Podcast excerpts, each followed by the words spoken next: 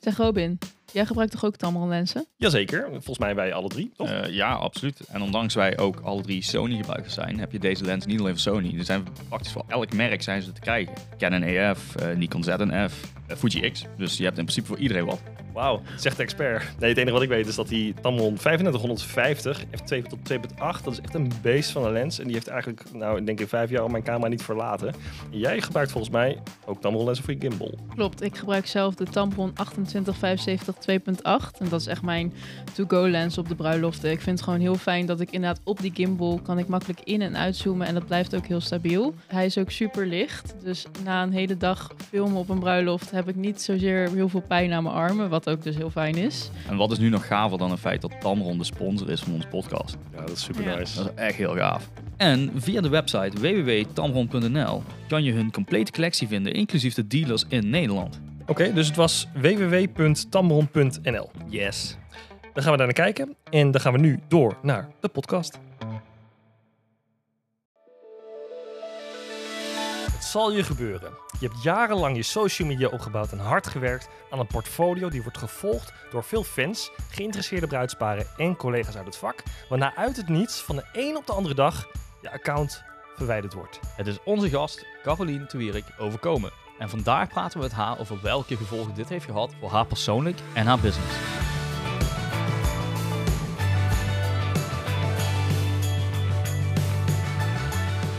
Ja, welkom. Leuk dat je weer luistert of kijkt naar een nieuwe aflevering van Trouwfilms Ambacht, The Art of Selling Memories. Dit is aflevering 16 en ik eh, ben vandaag de host van deze aflevering, waarbij ik het samen met Brian en Caroline ga hebben over social media probleempjes.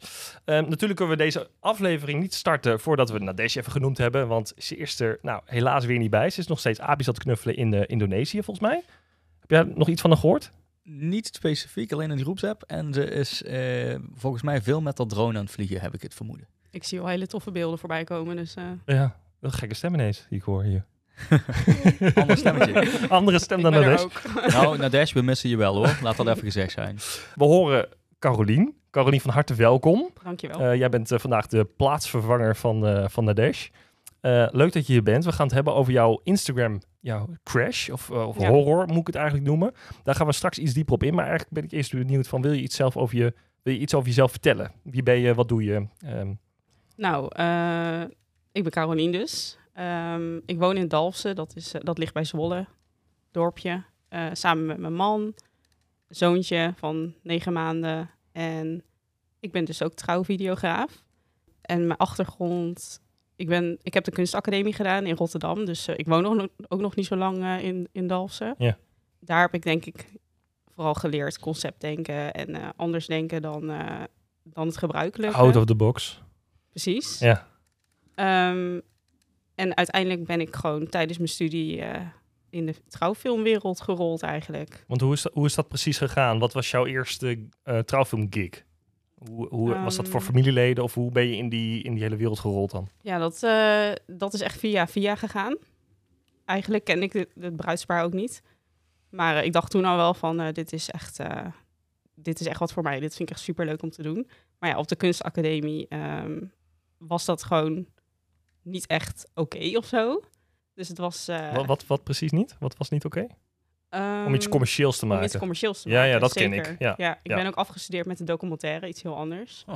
Ja, het was altijd een beetje van, nou, oh, trouwfilms, dat zou ik echt nooit willen doen. Of eh, je kan er niet je creativiteit in kwijt. En ehm, nou ja, Dat is wat serieus de docenten tegen jou zeiden. docenten, maar ook gewoon wel medestudenten eigenlijk. Oh ja. En eh, toen heb ik dat ook echt wel een beetje... Nou ja, ik heb dus die trouwfilm toen gemaakt en toen dacht ik, eh, ik laat het hierbij. Ik ga afstuderen met een documentaire. Was ook heel vet. Maar eh, op een gegeven moment dacht ik van, nou, dit, is, dit vond ik zo leuk om te doen. Dit moet ik gewoon blijven doen. En dat wil ik eigenlijk ook gewoon tegen iedereen zeggen van, maakt ook niet uit wat iemand zegt.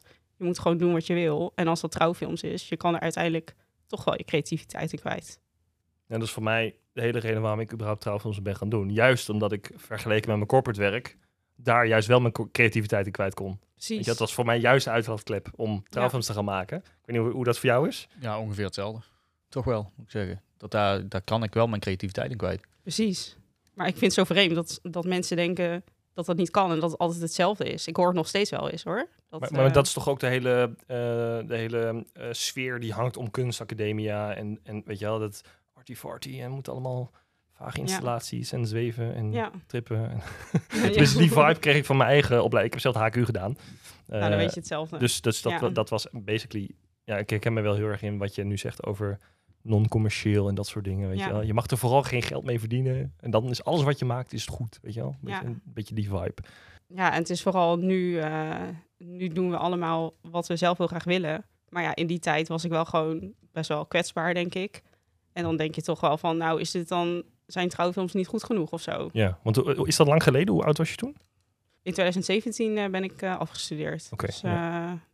Zes, zeven jaar geleden. ja, toen ben ik ook nog na, na, mijn, eh, na mijn studie ben ik nog eh, in, de, in de bedrijfswereld beland. Dus heb ik nog televisiecommercials eh, gemaakt of gemonteerd. Op een gegeven moment dacht ik van ja, ik ga gewoon eh, trouwfilms maken. Fuck iedereen. ja, Fuck Goeie- iedereen. Ja, goede instelling. En de grap, eigenlijk Ja. is de grap vooral dan de mensen die vroeger altijd zeiden van, eh, nou, trouwfilms, dat is echt niet, eh, daar kan je niet eh, creatief in zijn of eh, daar kan je eigen dingetje niet eh, in kwijt. Die zeggen nu juist van, ja, je, je, je hebt toch een hele eigen stijl ontdekt. En eh, dus dat is gewoon, je moet gewoon doen wat je wil en eh, gewoon scheid hebben eigenlijk. Ja. Gewoon niet luisteren naar iedereen. Ja, Niet, en, en waardoor heb je je dan vooral wel laten leiden? Een soort gewoon innerlijk gevoel? Of, of, ja, dan ah, kan je toch niet... eh, Nee, maar ik bedoel, misschien had je een mentor of iets, of waren er andere mensen die jou daarin hebben geholpen in dat, in dat proces, zeg maar, om uiteindelijk dan in die wereld te rollen en daarin dan... de, de docenten die waren vooral heel erg bezig met van documentaire maken. Nou, ik zeg ook altijd, een trouwfilm is natuurlijk een soort van korte documentaire.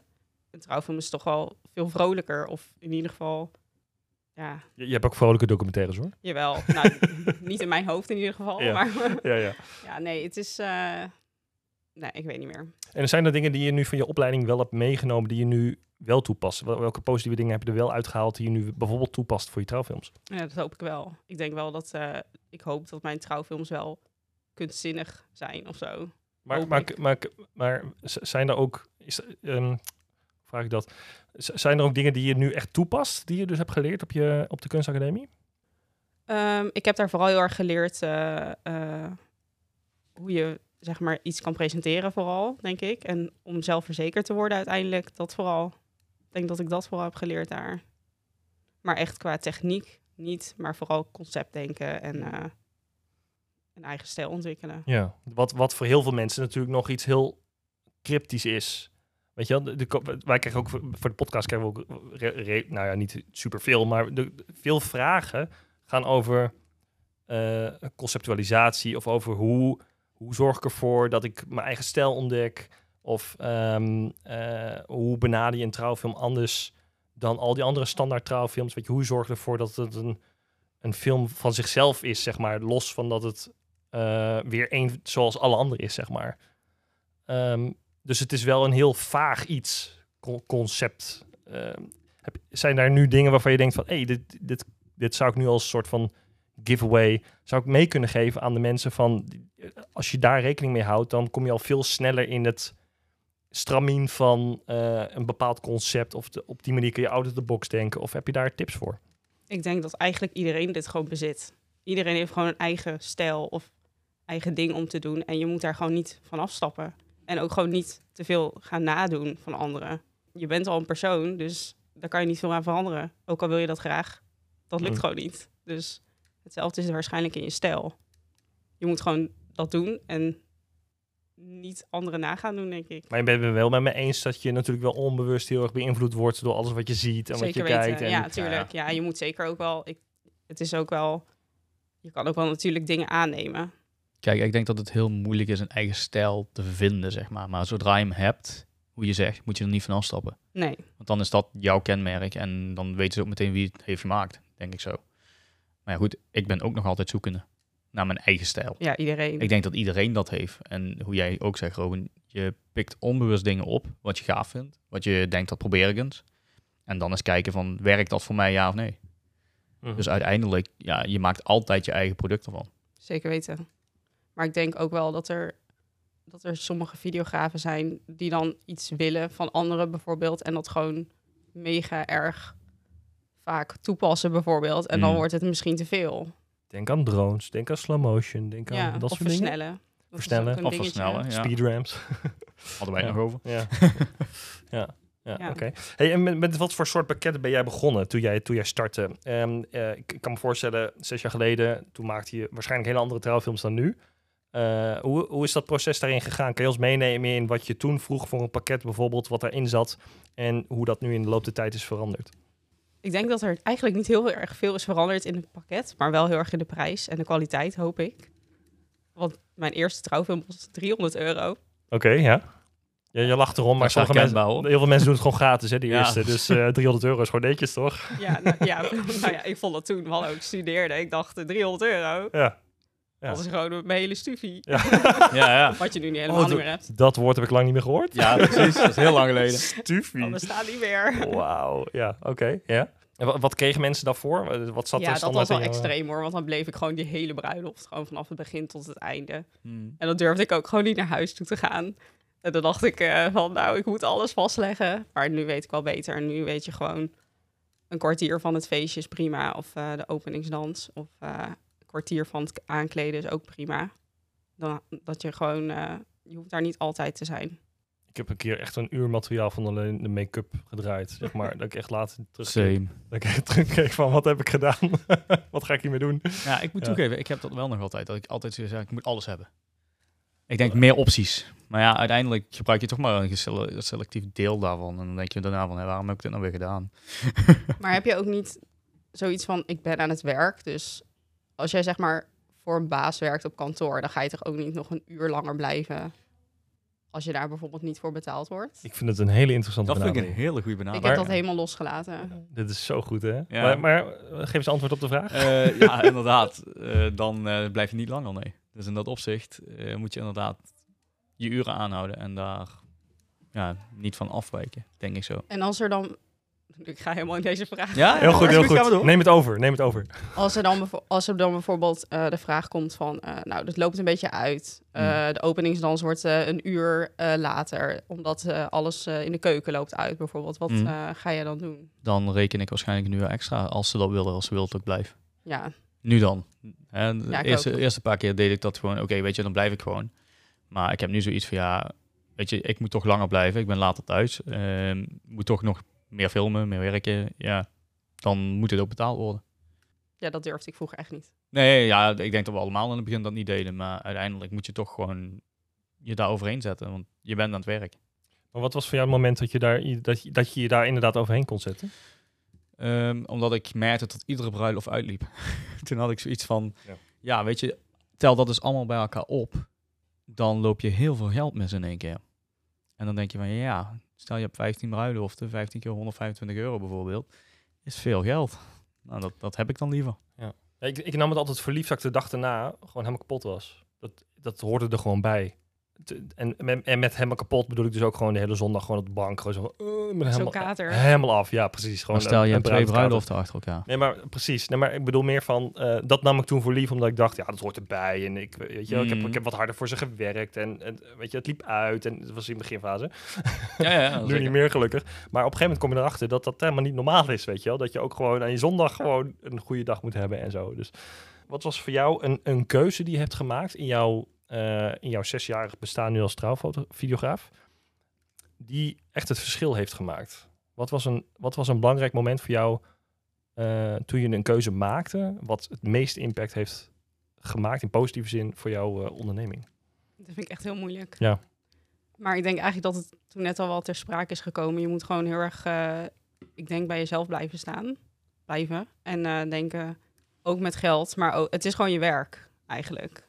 En het is superleuk werk. Het is een soort hobby. Maar het blijft wel gewoon je werk. En op het moment dat ik dat besefte, was het voor mij bijvoorbeeld ook veel makkelijker om mijn prijzen te verhogen. Of inderdaad gewoon te zeggen van, nou, het loopt een uur uit. Maar het kost dan ook bijvoorbeeld extra. Ja. Ik denk dat, en dat is met alles eigenlijk gegaan. Want op het moment dat mijn prijzen omhoog gingen, kreeg ik ook gewoon meer vrijheid eigenlijk. Mooi. Eigenlijk is het Ja. ja. op het moment dat ik meer scheid kreeg, zeg maar, Ja, toen ging het beter. Ja. ja. Mm. daar kan hij ook nog wat van leren, hè, deze jongen hier naast me. Ja, Meer scheid hebben. zeker. Echt waar? Zeker. Ja, zeker. je bent nu jezelf aan het verdedigen, maar ik, ik moet mezelf daar ook in verdedigen. Want ik denk dat het voor iedereen, ook die luistert, eh, heel herkenbaar is. Dat je, dat je op dat punt moet komen. Je moet jezelf Ja. forceren om voor jezelf te kiezen. En ik denk dat dat iets heel essentieels is, wat, wat wij ook in een podcast niet vaak genoeg kunnen benadrukken. Maar wat de persoon die luistert dus alleen maar zelf kan doen. Er is niemand anders die je daarin kan. Ja, je- mensen kunnen wel een zetje geven, maar vaak is dat een negatief zetje. Of tenminste, moet er iets negatiefs gebeuren, een burn-out of wat dan ook, voordat je pas realiseert dat je misschien niet helemaal op de goede weg bezig bent, zeg maar. Ja. Of dat je niet genoeg voor jezelf kiest. Ehm, hier hebben we natuurlijk al een aflevering over gemaakt, dus hier gaan we niet te diep op in. Maar ehm, eh, ik denk wel dat het een heel belangrijk punt is. Maar het is ook wel, ehm, het is ook wel, ja, je, zou, je wilt toch ook klanten aantrekken die jou, denk ik, heel erg serieus nemen eigenlijk. Ja. Ja. Maar, maar hier ga je dus wel. Dit is dus de keu- Kijk, voor mij was het. ik- Die vraag stel ik aan jou. Van wat was de keuze geweest?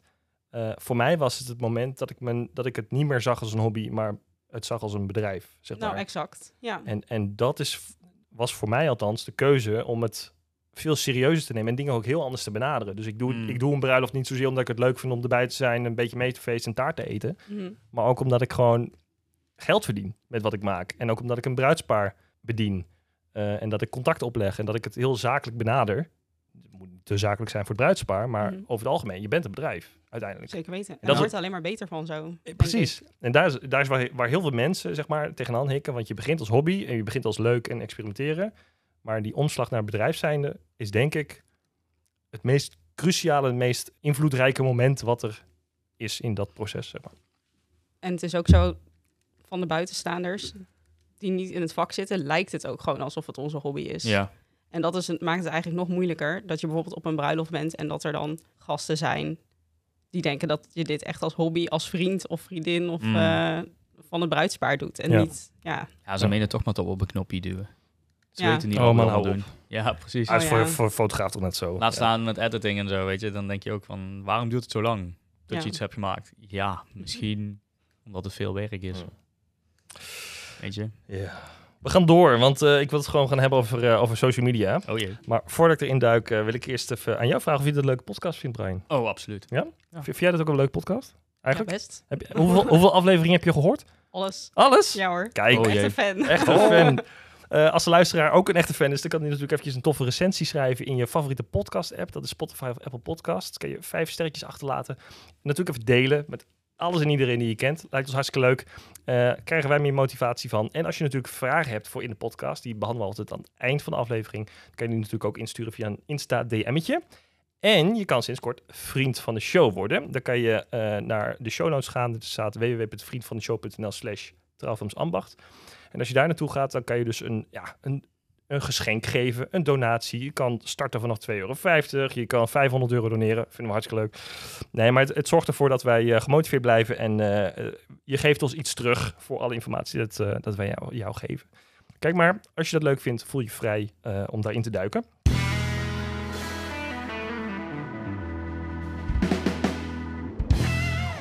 Gaan we nu verder met social media. Ehm, op welke manier zet jij social media in voor je business? Wat, ehm, en dan heb ik het nog niet over alle ellende. waar, we het, waar we het straks over gaan hebben. Maar wat was voor jou, of wat is voor jou ehm, eh, de samenwerking met social media? Vooral Instagram. Dat is vooral wat ik gebruik. En eh, ja, eigenlijk, ik ben niet zo heel erg eh, daar heel erg mee bezig, denk ik. Verder. Dus ik gebruik, eerst had ik Facebook ook, maar dat is een beetje... Ik, ik heb niet het idee dat, dat mijn doelgroep echt op Facebook zit. Dus het is vooral Instagram op dit moment. Het is vooral om je portfolio een beetje te, te showen eigenlijk. Ja. Ja. Ja. want je kan natuurlijk je kan het gebruiken als portfolio. Je kan het gebruiken als een soort van eh, uitlaatklep. Je kan het gebruiken als, als heel veel making-ofs, weet je wel. Eh, wil je je collega's eh, betrekken? Of wil je alleen maar specificeren op alle bruidsparen die gaan komen? Weet je, je kan natuurlijk qua social media kun je duizend kanten op. Ja. En dan maak je denk ik, nou misschien niet zo- zozeer bewust, maar dan maak je uiteindelijk wel een keuze in. Ja, ik Ook maak, wel een, eh, een- ik maak wel een bewuste keuze in, eh, in mijn stories bijvoorbeeld. Daar probeer ik echt heel- een kijkje in mijn leven te geven. En ik merk dat dat ook gewoon best wel werkt. Dat als ik bijvoorbeeld op een bruiloft kom, dat, eh, dat er gasten zijn die zeggen... Ja, hoe gaat het met het stukken bijvoorbeeld? Oh ja, En eh, of eh, hoe is het met jullie hond? Dus dat, eh, dat werkt heel goed, denk ik, om een beetje een persoonlijk kijkje te geven. Ehm, Maar krijg je ook al je klanten dan via Instagram? ja, dat, eh, dat dacht ik dus altijd. Ja. Maar dat is volgens mij niet waar. Nee? Nee, daar duiken we zo in. ja. Ja, ik, ben, ik ben benieuwd. ja. Oké, nou laten we er Dat maar gewoon... in La- laten we er maar gewoon gelijk induiken. Want wat kan, je, kan, kan jij ons vertellen wat er is gebeurd met je Instagram? Kan je ons dus meenemen in, in dat proces? Eh, Ja. We praten over een paar weken, misschien maanden. Ja, nou ik hoorde een twee, horrorverhaal. Dus. Ja, Twee, drie maanden geleden of zo. Ik weet niet precies. denk Je twee mag- maanden terug ongeveer. Nou, ik dacht dus echt inderdaad dat al mijn klanten zo'n beetje van Instagram kwamen. En ik was heel actief. Hm. Voor mij, gevoel. Lang niet zo actief als sommige andere mensen hoor. Ja. Maar ehm, op een gegeven moment eh, wilde ik inloggen en dat, eh, dat, dat lukte dus niet meer. En ik kreeg een melding dat, eh, dat ik in strijd was met de regels van eh, Instagram. En, dat, en toen moest ik eh, een foto van mijzelf uploaden. eh, van mijn ID-kaart, geloof ik. En je moest, ik moest bevestigen dat ik het was. En dan gingen ze kijken of mijn account nog weer eh, online kwam. Maar dat was dus niet zo. Dus die is gewoon weg, verwijderd. En ik weet niet waarom. Dus dat is gebeurd. Helaas. Ik denk, hoe dan? Ja, je, nou ja, ten eerste inderdaad. Wat, wat was, wat ze zeggen, je bent in strijd met de, de communityregels dan of zo. Ja. Heb, je, heb je enig idee wat jij zou hebben, mo- mogelijk zou Ja. hebben gedaan, wat toch wel? Nee, ja, nee. Oh, niet. Nee, geen idee. Nee. Één, je krijgt gewoon, je krijgt gewoon geen contact. eh, je kan gewoon geen contact krijgen met Instagram zelf. Dat is dus van Facebook. Ehm, ik heb uiteindelijk wel contact gekregen met Facebook, maar die kunnen blijkbaar niks doen, omdat het dan weer Instagram is. Dus het is eigenlijk ook best wel... eh, ja, het is echt intens. Gewoon wat, wat zo'n bedrijf voor invloed eigenlijk op iedereen heeft eigenlijk. Kijk, je bent nu natuurlijk een paar, paar weken verder. Je hebt misschien weer een nieuw account eh, opgebouwd. Hè? Maar het kan iedereen gebeuren. Dus eigenlijk is dat de conclusie die je hieruit op kan Nou, er maken. zijn gewoon een aantal dingen die je niet mag. Dus je- je mag Ja, ja. Dus daar ben ik wel ingedoken van, nou, wat kan het zijn bijvoorbeeld? Eh, je mag bijvoorbeeld niet een externe partij jouw Instagram laten doorlinken. Dus bijvoorbeeld, ik heb zo'n footer op mijn website onderaan, waarbij Instagram posts allemaal terechtkomen. Dus dat, Dat heeft iedereen. dat heeft iedereen. Althans, heel veel mensen hebben dat. Mm. Ja. Dat, dat mag niet. Dat, dat mag al niet. Dat mag niet, nee. Het is echt best wel, best wel interessant om al die regels eens een keertje te lezen, want het is echt bizar wat er allemaal niet mag. Wat mag er nog meer niet? ik ben heel Ehm, benieuwd. Ja, ik ook. Even denken hoor. Ehm, dus je, je mag dus niet doorlinken. Je mag bijvoorbeeld geen winacties doen. Dus je mag geen gratis dingen weggeven. Zoals bijvoorbeeld een shoot. En dan zeggen, nou, als jij mij volgt en je tagt je drie besties of zo, dan, eh, dan win je een shoot bijvoorbeeld. En dat doet ook iedereen. Dat doet ook iedereen. Zeker.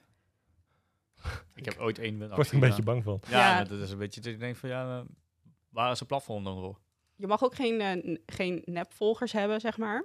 Dus eh, Hebben ook heel veel mensen waarschijnlijk. Ja, Nou ja, maar als alsof je... daar iets aan doet. Die mensen, ja, je hebt gewoon bots die jou gaan volgen, toch? Ja, ik bedoel, iedereen heeft bots die je volgt. Ja, Als je eens voor de lol gaat kijken naar wie je allemaal volgt en al die, Mm. eigenlijk alle accounts waar al geen profielfoto op zit met een of andere rare hashtag naam. Ja, precies. Dat, dat zijn, daarvoor weet je eigenlijk al zeker Ja. dat het bots zijn. nou, ik ben daar nu dus nu super bang voor. Dus elke keer als ik zo'n enge naam krijg, dan verwijder ik hem ook gelijk weer. Ja. Toen, toen je erachter kwam, mijn account is geblokkeerd. Ja. Hij was nog niet verwijderd. Ik denk, je had hoop. Wel- Welke stap heb je allemaal ondernomen? Je had het net over contact genomen met, met, met, met Facebook, wat dan niet lukt. Wat, wat heb je nog meer geprobeerd eigenlijk om, om je eigen account weer terug te krijgen? Nou, in ieder geval moet je een actie ondernemen in het begin al. Eh, je moet bevestigen dat jij het bent. En eh, eh, nou ja, het is zo ontzettend moeilijk om contact te krijgen met Facebook. Ook als je bijvoorbeeld geen bedrijf hebt en je, koopt geen advertenties, dan wordt het helemaal moeilijk. Dat heb ik nog nooit gedaan, dus dat was in dat geval wel jammer. Maar ehm, ik heb uiteindelijk wel contact dus gekregen met Facebook via, via een ander linkje van iemand. Dat is ongeveer het enige wat ik eh, heb kunnen doen. Ja. Ja, maar ja, stel je hebt een, zo'n groot account opgebouwd en dan ben je het spontaan kwijt. Je, je, je komt niet meer binnen en dan? Ja, Ja. wat, Dan, wat, heb- dan hebben ze geen oplossing. Het slaat er nergens op. ja, maar over wat voor account hadden we het eigenlijk gewoon qua grootte? Had je, had je heel veel volgers? Had je er heel veel op staan? Kun je, kun je daar iets over zeggen? nou ja, wat ik zei, ik, ik eh, promote mezelf vooral ook met, eh, zo, met, ehm, Stories. ja, met stories, met privéfilmpjes en zo eigenlijk. Ehm, dus dat stond er wel heel veel op. Dus dat is heel jammer. Eh, dat gaat natuurlijk echt jaren terug ook. En verder voor, voor ik- dat archief bedoel je dan, om dat Ja. dan weer terug te kunnen zien? Ja. ja. nou, dat is gewoon allemaal weg. Ja. Ehm, en ik had ja, ongeveer bijna 2000 volgers. Ja. Dat, dat is gewoon jammer. Maar ja, Ja. aan de andere kant, toen het gebeurde, ik had niet zoiets van. eh, eigenlijk, het verbaasde me hoe chill ik er eigenlijk onder was. Op het moment zelf dacht ik echt van, oh shit, ik moet, eh, wat, wat moet ik nou doen, weet je wel. Maar de dag daarna had ik gewoon helemaal geen Instagram. En het was eigenlijk ook gewoon best wel lekker. Hmm. Gewoon, ik, ging s'avonds naar bed. En ik dacht, ja, ik hoef nu gewoon niet om mijn telefoon te scrollen. Wat ik normaal wel altijd deed. Gewoon in die stories deed het er doorheen. Maar eh, Ook dat- een prettig gevoel, denk ik dan. ja, het Toch was wel. gewoon... eh, en, nu ga, en nu gebruik ik het eigenlijk ook best wel anders. Het is niet meer, eh, niet meer mijn archief eigenlijk. Hmm. Want, want hoe gebruik je het nu wel? Wel eigenlijk nog op hetzelfde manier. Maar niet, eh, ik ga niet al echt hele belangrijke dingen nog eh, erop zetten. En als ik het doe, ga ik alles opstaan. Ja, Ja. ja want toen ik, ik weet nog het moment dat jij aangaf, ja, mijn, mijn Insta is gehackt of verwijderd of weet ik veel wat. En ik heb nu een nieuw account. Toen gingen bij mij gelijk alle radar, eh, radar, radartjes, radars. Dat is wel een stom woord. Ja, antennes. Maar antennes die gingen aan. En ik dacht gelijk van, ja, dit is een van de gehackte persoon die nu mij via een andere, via ja. een nep-account, zeg maar, oh, ja, dat is ook een ding. Dat is ook een ding, ja. mij, mij probeert Oeh, binnen dat te is hangen. trouwens mijn vierde ding. Oh, daar gaan we. Eh, ik had op, op die dag had ik een eh, account gerapporteerd.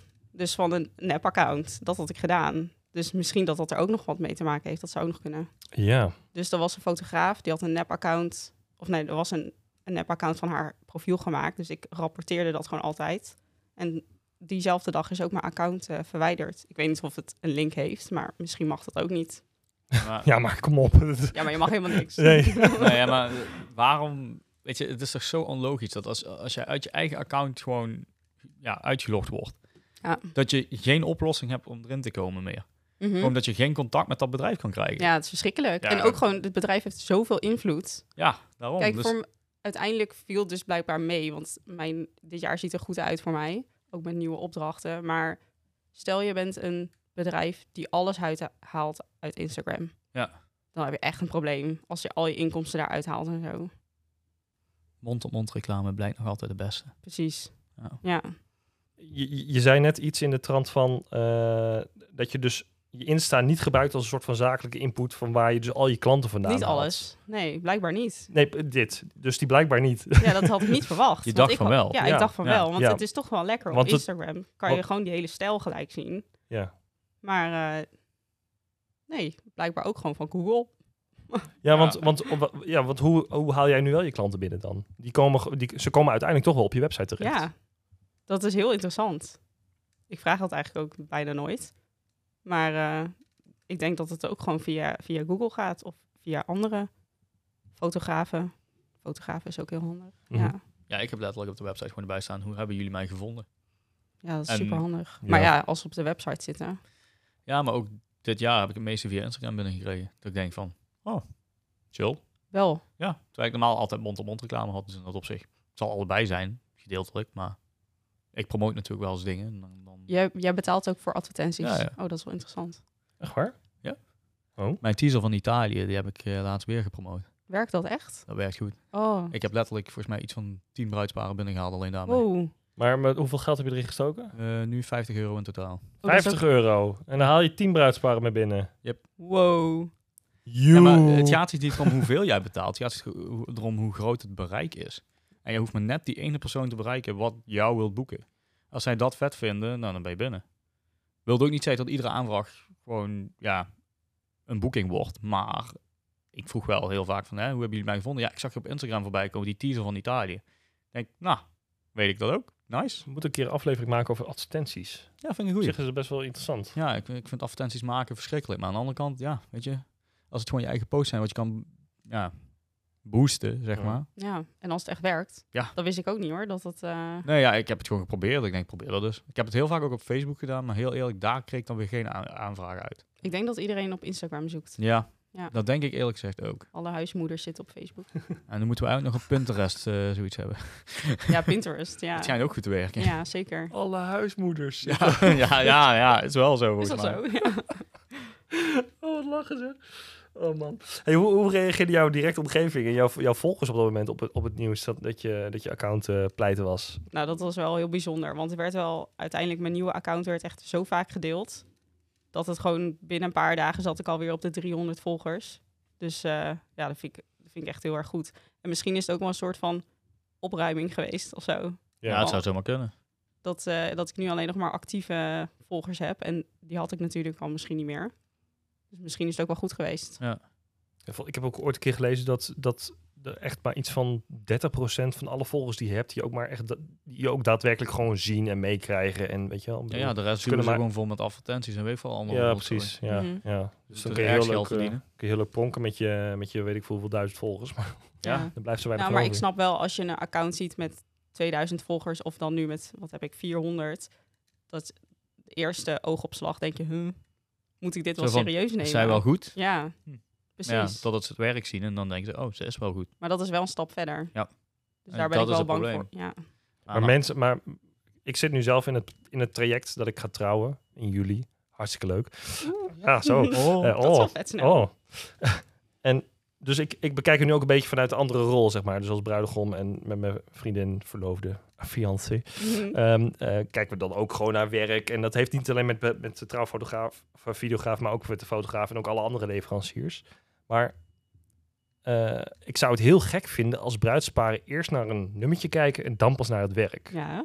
Denk je niet? Denk, denk je... Maar komt dat niet omdat je zelf in een vak zit? Nou, dat, dat, is- dat zou kunnen, maar dan, ja, aan jullie vraag heeft dan ook niet zoveel zin. Jullie zitten ook in het vak, maar, hoe- waarom? maar hoe, hoe- ja, wat is jullie kijk erop? Hoe, wat zou jij zeggen? Ja, ik kijk dus echt naar werk. Het boeit me niet hoeveel volgers die persoon heeft.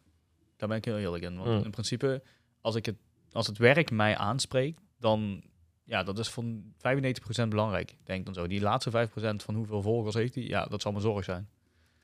Weet je, eh, uiteindelijk, het gaat zich om het eindproduct, hè? niet eh, hoeveel eh, volgers of likes dat hij heeft. Mhm. Dus denk ik dan, ja. Nee, ja, goed, dat, Maar dat goed, ik zit ook in een vak, dus ik denk daar zo over. Dat- Ik denk hetzelfde erover, maar Maar hoe vaak zie je wel niet accounts met iets van, wat, 11.000 volgers? En dan krijgen ze nog geen 100 likes op een, op een post. Dan weet je toch ook genoeg. Ja. Dus zijn gewoon gekochte Maar volgers. likes is toch ook niet alles, jongens? Nee maar, nee, maar goed, daar, daar, nee, maar daar, dat valt dan wel op, weet je. Sorry, wat? Dat valt dan wel op, zeg maar. Dat als jij, bijvoorbeeld als ik iets post, ik krijg 19 keer iets van 50 likes op, op, op een reel, of ja, Mhm. zoiets, een reel, 50 tot 100. Ik heb 1100 volgers. Dan vraag ik me af, wie krijgt iets te zien en wat is alleen maar advertentie? Volgens mij is 90% advertentie. Ja, maar ik, ik, ik, like, ik ga ook niet alles lopen liken wat in mijn feed terechtkomt. Nee, dat hoef ik niet. ik doe dat soms wel. Oké, dus eerlijk. Wauw. Wat? Ja. ik, ik denk Why? soms wel eens van, ik ga alles liken en alles commenten. En dat werkt echt supergoed. En dan zit je gewoon op de wc, zit je gewoon lekker te scrollen. En, Dat, is te- het- dat plan ik in in mijn agenda. En dan Wat? ben je. Ja, serieus. Dan doe ik wel eens gewoon een 20 minuutjes, half uurtje. Ga ik gewoon overal op eh, een comment onder plaatsen. Of eh, Wat, waar zorgt dat Ik- voor? ik dat je denk- meer volgers krijgt? Of de... ja, Ik denk steeds, ik krijg een hele leuke spontane reactie van Caroline. uit het niets, maar dat is gewoon Echt, pure, is- pure ingepland. Ja, nou ja. ja, dat is echt waar. Nou, dat is wel eens iets om uit te proberen, denk ik dan. En iedereen wordt gewoon heel blij daarvan. Ja, oké. Je bent een soort van, eh Iedereen vindt dat leuk met heel natuurlijk. gul dan. Maar, Maar, maar is, het, is het zo dat je overal hetzelfde opcomment? Of nee, ga je dat echt... kan niet hoor. Want dat, dat weet Instagram dan weer. Hè? Maar, nee, dan maar valt bedoel, het ook op, dan meen je dat je een robot bent. laat ik het anders zeggen. Lees je, lees je daadwerkelijk ook de post en de inhoud en ga je daar heel specifiek op reageren? Of blijf je een beetje oppervlakkig met een paar emoticons? Of... Nee, nee, ik doe niet emoticons, want volgens mij werkt het ook niet zo goed. Soms dan ga ik wel alles lezen. En soms eh, dan hou ik het wel erg oppervlakkig. Gewoon zijn reactie. Heel mooi. En dan verder gaan.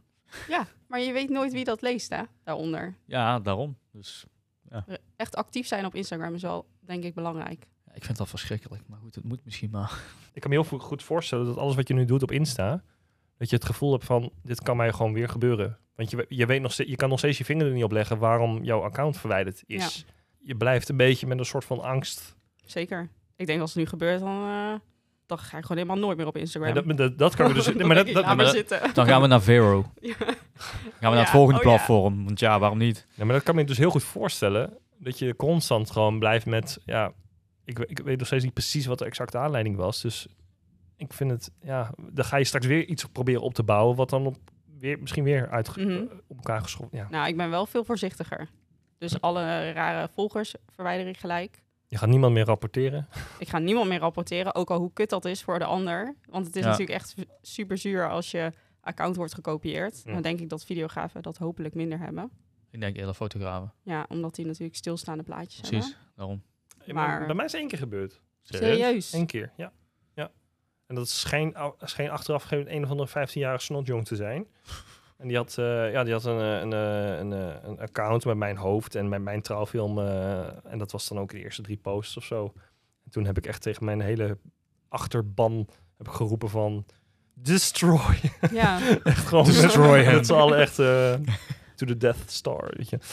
Eh, en, en dat heeft, ik denk, een dag of drie geduurd. En eh, toen was hij weg. Ja, maar het feit dat En ik heb hem ook echt, nou, niet zozeer bedreigd, maar ik heb hem wel echt een aantal keer in de DM echt heel flink gewoon aangegeven van, ik weet niet wat je van plan bent, Mhm. maar als je met iemand aan het fucken bent, moet je niet mij hebben.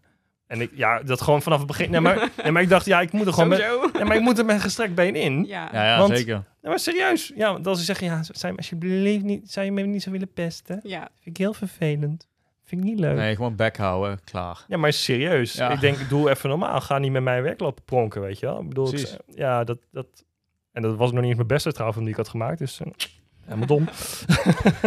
Maar het is wel zo ehm, dat als er nu zo'n account eh, gekopieerd wordt, dan gaan zij naar alle volgers eh, berichtjes sturen van wil je geld overmaken en eh, ik heb geld nodig. En Ja, natuurlijk allemaal om geld en om echt hacken. Dus eh Ja.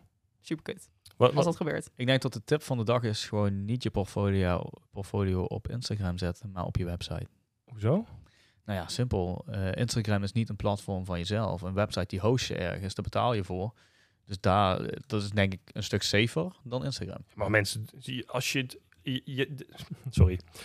Ja, dat, vind, maar. nee, maar dat, vind, dat vind ik interessant, want je gaat niet alleen maar je portfolio dingen alleen maar op Insta zetten. Ik bedoel, als je het op Insta zet, zet je het 9 van de 10 keer ook op je website, denk ik. Toch? Ja, zeker. Nou ja, kijk, ik post meer op Insta nu dan op mijn website. Dat wel. Maar Kijk, dat je je website prioriteit geeft over Insta, daar kan ik me iets bij ja, voorstellen. precies. Maar Insta, ik zie Insta wel als een soort van verlengstuk. Ja. Een tool. Ja, mee eens. Ja, oké. Maar toch, als je dan hoort dit soort verhalen, dan ga je toch denken van, hmm, is dat zo slim? Ja, en ik denk ook dat wij, wij waren ook verrast, hè, nu je dit zo allemaal vertelt, van ja, eigenlijk kan het dus iedereen overkomen. Ja, eigenlijk is mijn vraag aan jou, kan, dit, kan iedereen het overkomen? Ja, ik denk het wel. Want ik zou echt niet weten wat ik verkeerd heb gedaan. Nee, precies, ja, en ik heb nog nooit een winactie gedaan of zo. niet eens. Nee. Ik wel. Ik doe daar geen uitspraak over. ja. en volgens mij, eh, nee, ik had ook niet eens mega veel volgers. Nee, maar ja, weet je, aan de andere kant, zo'n winacties bijvoorbeeld, daar zijn hele specifieke regels voor. Ja. Die heb ik toen allemaal zitten uitzoeken. Voordat YouTube ik, ook. Voordat ik zo'n actie heb gehouden, zeg maar. En ook inderdaad niet voor eh, likes of follows of zo, weet je. Maar meer gewoon, ja, je wilt iets leuks doen. Ja. ja. Maar als je dan dit hoort, denk je van, hmm, die post misschien maar even verwijderen. Maar volgens mij gaat het vooral om als je, als je iemand verplicht om je te volgen. Of eh, Mm. dat wil Instagram niet hebben. Wat, wat zou je mensen aanraden om te doen? Vanuit wat, ik bedoel, jou is nu Nou, wees overkomen. heel, we- wees heel erg netjes eigenlijk. Kan je dat toelichten? Dat je moet uitkijken wie je gaat volgen bijvoorbeeld. Als dat een of andere dude is zonder shirt uit eh, Nigeria of zo, dan... eh, nee, ja, serieus. Ja. Denk na wat Instagram je oplevert. Want als jij al jouw inkomsten daar vandaan haalt, dan is dat geen goed idee. Dan moet je echt verder kijken. Dan moet je misschien eh, inderdaad Pinterest of... Ja. Of is dat ook van Facebook? Nee, toch? Nee, Pinterest volgens mij niet.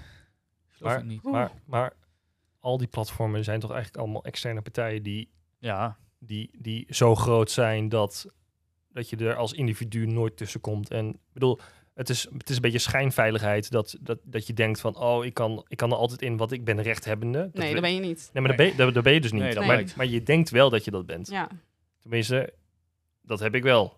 Ja. Ja. ik, mijn logische gedachte is natuurlijk dat je dat niet bent. Maar ik denk 90% van de mensen die denkt er niet eens over na.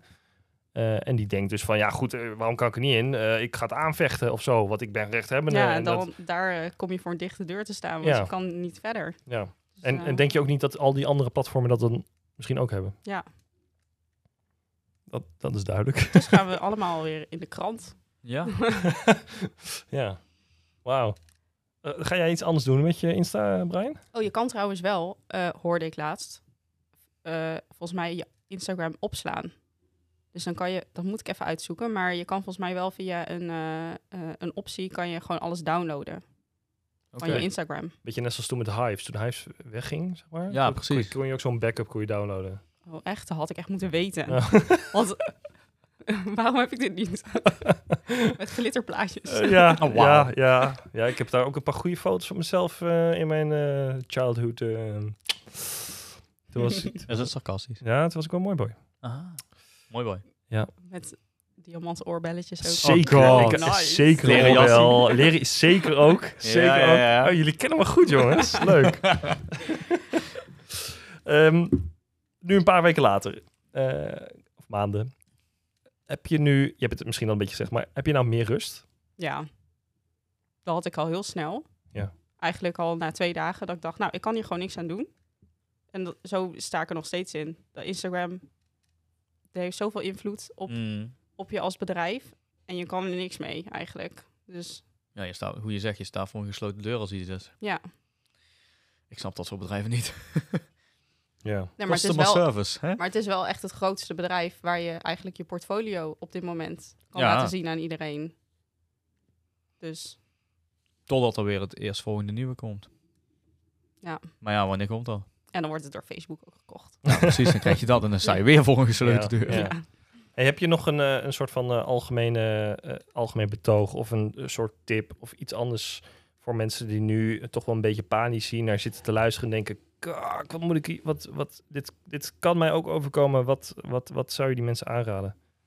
Wat, ehm, wat zou je ze mee willen geven om, ehm, ik zou misschien zelf zeggen, dan toch maar dubbel, echt goed, goed alles wat je dus op Insta zet, dan ook op je website of zo, iets in die trant. Ik probeer Nou ja, een beetje mee alles te op denken. je website is natuurlijk wel. Instagram is, weet je, we praten nu super negatief erover, maar het is wel echt heel erg makkelijk om iets van jezelf te laten zien. Ja. Kleine korte filmpjes. Je kan er in één oog op, oogopslag zien wat iemands stijl is, bijvoorbeeld. Ja. Of het bij je past of niet. Dus het heeft ook al heel veel goede kanten, maar het is wel goed om te onthouden dat dat Mm. niet het enige moet zijn eigenlijk. Ja, maar het feit dat je niet mag doorlinken vanuit je website naar Instagram, vind ik gewoon best wel heftig. Ja, dat, dat doet ook gewoon iedereen. ja, daarom. Dus, eh, Ja. Of bijvoorbeeld Canva, geloof ik. Ja? Dat soort. eh, Nee, hoe heet dat nou? Dat je dingen kan inplannen en zo. Oh, Post inplannen. Oh, dat je post kan inplannen. en Zo. Ja, daar heb je allemaal verschillende apps voor een bedrijf. eigen- en- Nou, eigenlijk, eigenlijk mag je gewoon niet doorlinken. nee, precies. Eigenlijk Ja. zijn third-party tools gewoon... Verboden. Ziet, ziet hij gewoon Maar als ik- een, als een... Ik denk wel dat er... Ja, je zou echt dat even moeten opzoeken bij Instagram, wat er wel niet mag. Maar eh, Daar gaan we even goed over nadenken. Ik ga gewoon mijn Instagram post van mijn website afhalen, weet je. Voegt toch niet veel toe. Klaar.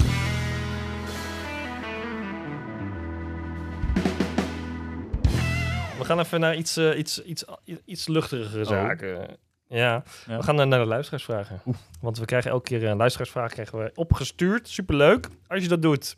Hartstikke leuk. Eh, we gaan je vraag behandelen hier eh, ja, aan het eind van de afleveringen met, eh, met de gast of eh, nou, met onszelf.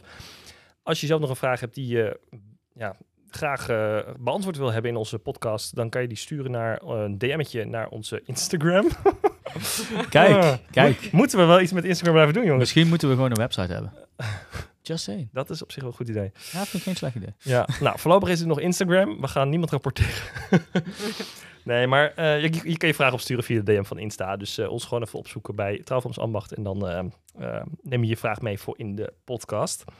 Dus we gaan even een viertal vragen doen. Carolien, superleuk. Eh, ja, Ja. mensen zijn op dreef. De eerste is van Richard. Het is een opstel. ik ga hem kort eh, doornemen. Hallo allen, een leuke podcast om aan te zetten in de auto als ik naar een bruiloft rij. Ik heb een vraag over het ontwikkelen van je stijl. Wat is zoiets wel slim om te doen? Sommige videografen buigen mee met de smaak van hun bruidspaar, terwijl anderen echt per se bepaalde looks en manier van edit toepassen. Ik ben zelf nog een ik ben zelf nog wat zoekende en ik snap dat het hebben van een eigen stijl ook bruidsparen kan afstoten of zelfs wegjaagt. Hoe denken jullie hierover? Nou, je hebt gast, dus je mag hier Oh, misschien als grappig, want eerste... dat al- hebben we eigenlijk al een beetje Ja. besproken aan Ja, ik wou eigenlijk bijna zeggen van volgens mij is dat Brian die deze vraag stelt, maar... Nee, Nee, grapje. normaal niet. Altijd hetzelfde. Jou, grapje, joh. Nee, maar dat is wel, eh, dat is wel komisch eigenlijk. Want eh, ik denk, hoe kan jij goed met een bruidspaar mee bewegen? Dat lijkt me heel lastig. Als je gewoon een persoon bent met een eigen stijl en een eigen ding, hoe je dingen maakt. Dan Ja. is het, lijkt me het heel moeilijk om in iemands anders schoenen te gaan staan. Ja. En dan de hele tijd gaan filmen van, nou, ik denk dat ze dit voor ogen hebben bijvoorbeeld. Ja. En dan ja, lijkt me dan- heel moeilijk. Dan kun je het nooit goed doen. Denk nee, ik dan. denk ik ook niet. Kijk, en dit, dit vind ik dus super interessant, wat er nu gebeurt. Want we hebben iemand die, die daarmee struggelt. En eigenlijk, jij, jij hebt best wel een eigen stijl, toch? Ik bedoel, Dat weet ik niet. nee, maar als ik, als ik jouw film zo zie, ze zijn, ze zijn allemaal vrijwel hetzelfde gegrade. Het, het tempo is allemaal best wel vergelijkbaar, zeg maar. Ze zitten niet hele grote, weet je wel, what you see is what you get, zeg maar. Dus als mensen bij jou aankomen, kunnen ze vaak al wel goede, goed inschatting maken van wat ze gaan krijgen. Toch? Of zeg ik Ja. daar iets, iets geks mee? Maar alsnog komen er wel eens eh, vragen hoor. Nee, oké. maar in, in grote lijnen is dat toch? Ja, Er zeker. Niks negatiefs, hè? Nee, nee, nee, ik hoop het. Nee, ik nee. hoop het, ja. Kijk, terwijl ik, in mijn eigen werk, eh, ik probeer heel erg te smeden voor het bruidspaar. En Nee, maar ik vind dat jij ook een eigen stijl hebt. vind je dat echt? Zeker weten, ja wel. Dat, vind jij dat ook? Ja, Ja, toch? Echt wel. Check hem kijken. Oké. nou, dan gaan we het na de podcast even over hebben. Maar daar kan je toch niks aan doen? nee, nou ja, goed, dat weet ik niet. Nee, maar dat ik, is toch hetzelfde als van hoe je bijvoorbeeld fietst of loopt? Dat Nee, doet maar- iedereen ook anders? ik, ik heb wel, ik heb, ik heb oprecht het gevoel dat, dat, dat, dat mijn films onderling totaal andere films zijn. En dat heeft niet zozeer alleen maar met het bruidspaar te maken en met de karakteristieken van de bruiloft. Maar ook gewoon edit-wise, grading-wise. Ja, kijk, je Eh. maakt niet altijd hetzelfde. Je doet, niet, je doet in principe, je maakt niet altijd hetzelfde. Je doet niet iedere keer gewoon dezelfde opbouw, dezelfde eh, momenten achter elkaar. Weet je, dat zie je ook heel vaak bij bepaalde bedrijven. Hè, die hebben gewoon letterlijk, die maken dezelfde film voor ieder bruidspaar. Ja, ik wijk daar ook vanaf. Ik wil iets unieks maken per bruidspaar. Maar ik wil wel dat het mijn eigen look en feel heeft, zeg maar. Dus kleuren, eh, geluiden, et cetera. Heartbeat bijvoorbeeld bij mij, weet je. Die Ja, zit er ja. altijd wel in. Dat is jouw sick. Ja. Dat is een van mijn signatures. Ja, Eh, moet ik ook eens afwijken naar iets anders. Maar Nee, waarom? Nee, ja. Nee, je- wacht, wacht. Nee, joh. Haha. Stel je voor op de achtergrond. Hij is zo zenuwachtig. Oh. dat ja. Nee, maar goed, weet je, dat is ook zoiets. Ja, ik denk dat iedereen wel zijn eigen stijl heeft. Alleen je moet toch voor jezelf ontdekken, dit is mijn stijl. En Ja. ik denk dat dat lastig is, omdat Ik je heb altijd... echt geen idee wat mijn stijl is dan. Maar kan jij dan gewoon, ziet. Als iemand iets vraagt, dan kan je, dan denk je, oh, dat kan ik. Of dat, jij kan dan gewoon draaien wat iemand vraagt, zeg maar. Ja, ik denk het wel. Oh, dat vind ik wel heel knap. Tenminste, maar ja, goed. Blijkbaar denkt het is hetgene wat ik denk niet relevant, omdat jullie mij ook heel anders zien dan wat ik dacht dat ik was. Of zo. Ja. Of mijn werk in ieder geval. Robin, Maar de bruidspaar komt naar je ik toe heb, en zegt... Robin, we gaan dadelijk met de pick-up rijden. Jij moet achterwaarts uit dat ding gaan schieten. Eh, je ik moet zou het fantastisch blijven. vinden als het bruidspaar met dat soort dingen komt. Ja, Serieus. Ik ook. Op een paard. Challenge Op accepted. Op een paard. Serieus. Maar dan ben je vervolgens doodsbang voor een paard. Nou, Ja, ik Dat vind is- paarden niet heel leuk. ja, dat bedoel ik. Dus stel je voor, dan, dan word je dan opgelegd. Wij willen per se dit shot Een hebben van jou wordt op dat paard. Nee, maar weet je, het is wel iets waar je over na moet denken dan. Ja, daar wa- ja, het dwalen een beetje af. ja, nee, maar oké. Ja, Hebben we Richard zijn vraag ondertussen een beetje beantwoord? nou ja, nou ja hij, vraagt, half. oh, oh, hij vraagt hoe denken jullie erover om, eh, om, om, om, om voor het, ja, hoe, hoe, hoe ontwikkel je je eigen stijl? Hoe, eh, hoe- ja, welke keuzes maak je erin? En, ik eh, denk dat ik ja, ik vind het heel knap als iemand dat kan. Ik krijg, wel, ik krijg wel eens de, de opmerking of vraag van, nou ja, jouw, jouw beelden zijn heel vaak heel erg eh, shaky. Eh, want ik draai alles handheld. same. Maar ehm, Ik zeg niks. jij niet? Ik doe als gimbal. Oh, maar dat, ja, ik- Ja, moet wel zeggen, ehm, gedurende de dag voornamelijk gimbal.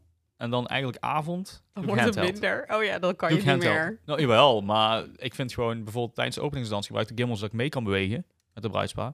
En daarna wordt het face, dus dan worden de bewegingen wilder en noem maar op. En dan ga ik handheld. Of tijdens de borrel ook, voor gewoon close-upjes te schieten en zo. Pak ik ook handheld gewoon.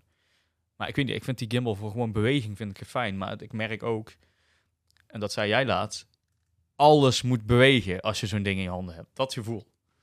Oh ja.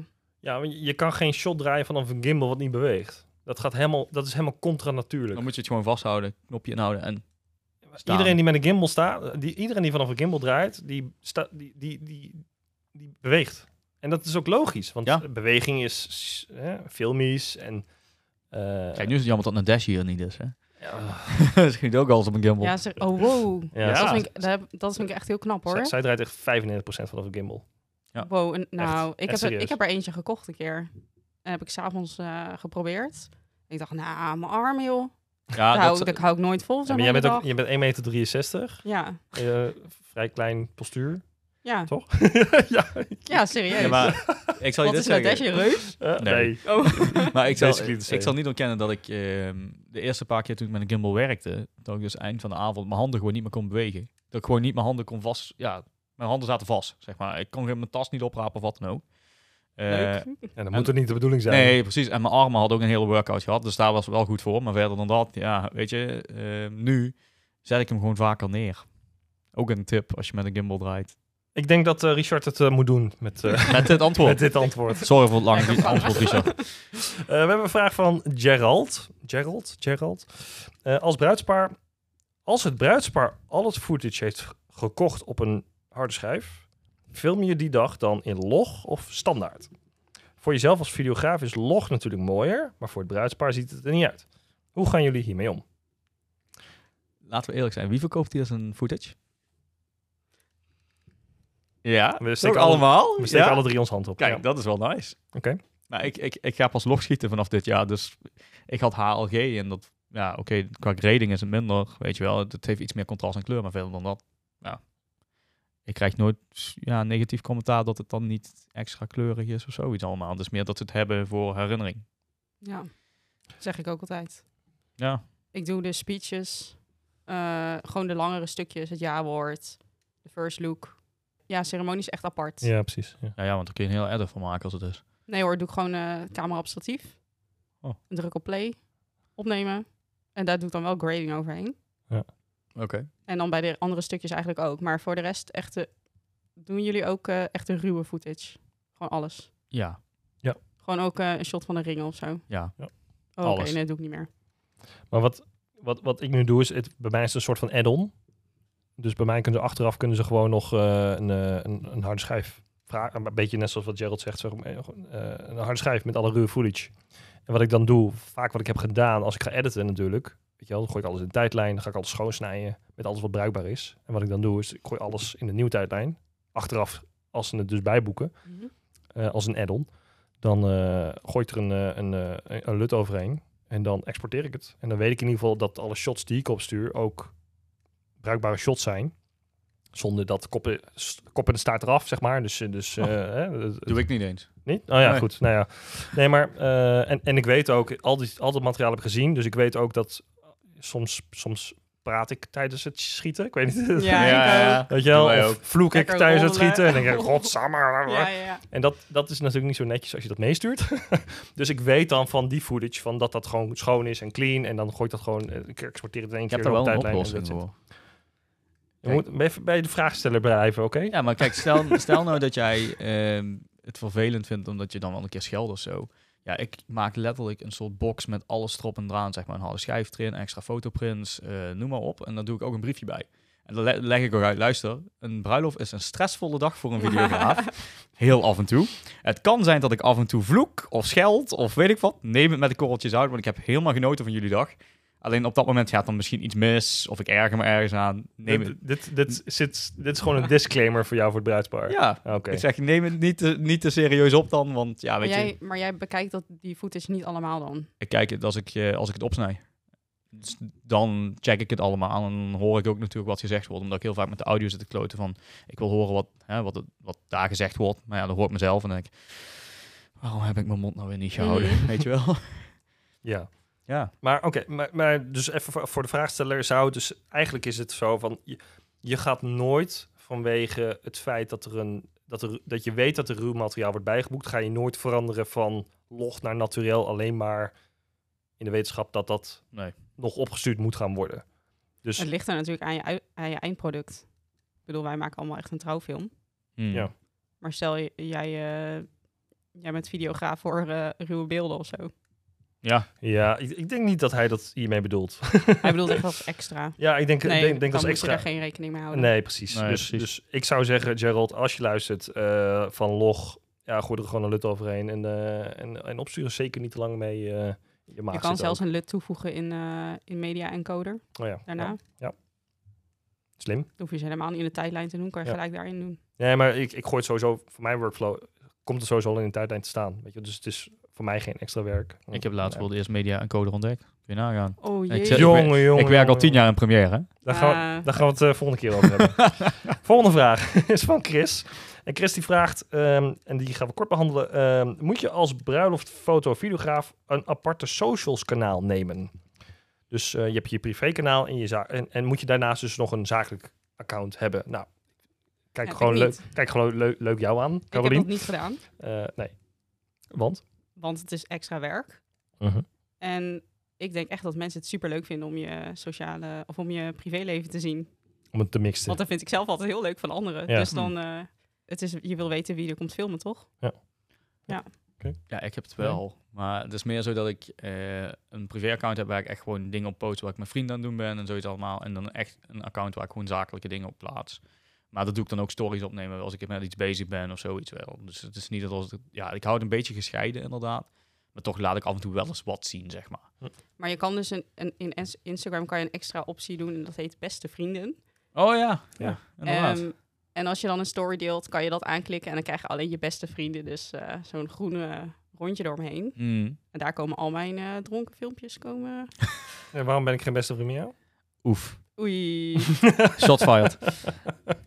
Wil jij dat? Huh? Ja, dat wil ik. Ja, ik wil jouw Oké, dronken filmpjes wel zien hoor. Ja, zeker. Dan ben ik ook wel nieuwsgierig Oké, inderdaad. Tom. Eh, laatste vraag is van Sam. En Sam die vraagt, eh, waar moet volgens jullie een tripod aan voldoen en welke raden jullie aan? Gebruiken jullie überhaupt een tripod op een eh, bruiloft? Ik gebruik het alleen voor de ceremonieopname. Dat ja. Nou, het moet voor mij, voor mij heel licht zijn. Heel licht. Dat vooral. Vooral ook om mee te nemen naar het buitenland in je koffer. Meer eh, boeit me eigenlijk niet. maar ik ben niet zo van de, van de technische dingen, dus dat is meer denk ik iets voor jullie. Als het werkt, werkt het. Is Precies. het een beetje, ja. Oké, jij Brian? Ja, ja, inderdaad. Ik had eerst een heel groot zwaar statief. Mhm. Ehm totdat een keer een potron eruit viel, omdat ik ja, een, ja, een plaatje kwijt ben of zo. En die werkt dus ook niet meer. Eh, toen heb ik een nieuwe gekocht, dat is die van Peak Design. En ik moet zeggen, ja, is aluminium. Hij is lichter dan de vorige, hij is compacter, weet je. Dat maakt het allemaal net wat makkelijker mee te nemen. Alleen inderdaad, als je op reis gaat, ja, dan zeg ik, dan moet het nog lichter zijn. Want Carbon. Bijvoorbeeld. Weet je wat ik lachen vind? Ja. Mensen kopen een camera van 6000 euro of Ja. 4000 euro en die zetten het op een tripod van 50 euro. Omdat ze, omdat ze daarop willen besparen. Ja, precies. Ja, dat gaat helemaal mis in mijn hoofd. Dat is echt erg. ja, ik snap dat. Dat snap ik helemaal niet, dat mensen Ik- dat... ik- eh, ja, ik, ik snap dat het misgaat in je hoofd, laat ik het zo zeggen. Ja, ja, ik snap Maar Ja. als je hem nooit gebruikt. Ja, kijk, dan, ja, waarom koop je hem dan? ja, dat, dat is Verkoop Ja. hem dan. Ja, nee, maar gewoon de afweging, weet je wel, dat mensen zo'n dure camera op zo'n belabberd statief zetten. Ja. Dan denk ik van, kom op. Maar goed, je hebt stevige statieven voor misschien net 100 euro of zo. Die heb je wel. Nou, eh, eh, mijn tip hierin is de Manfrotto Be Free. Dat is, dat is letterlijk dat statief die daar staat. Dat is een, eh, en dat is ook een beetje met oog op reizen. Ik heb deze specifiek gekocht, omdat hij en hij heeft eh, een heel hoog, hij kan heel hoog worden opgezet, zeg maar. Ik weet niet de exacte getallen. Google het even als je dit hoort. groter dan mij waarschijnlijk. Nee, maar hij kan heel hoog, maar je kan hem ook echt super compact eh, inklappen, waardoor hij gewoon echt in een cover past en gewoon heel makkelijk mee, de- mee te nemen is. En hij is op zich redelijk stabiel. En eh, ik heb hem een keer bij andere trouwvideografen in het buitenland heb ik, eh, gezien. Die raden ze toen aan en ik zocht er toen eentje voor mijn reis naar eh Amerika. En dit is echt een topstatief. Dat is echt gaaf. En deze kost, ik denk 150 euro of zo. Zoiets, ja. Dus dat, dat zou mijn, als je niet, eh, niet de hoofdprijs wil betalen, maar je wilt toch een leuk degelijk statief. Die heel licht is en eh, nou ja, doet wat hij moet doen. Manfrotto Be Free.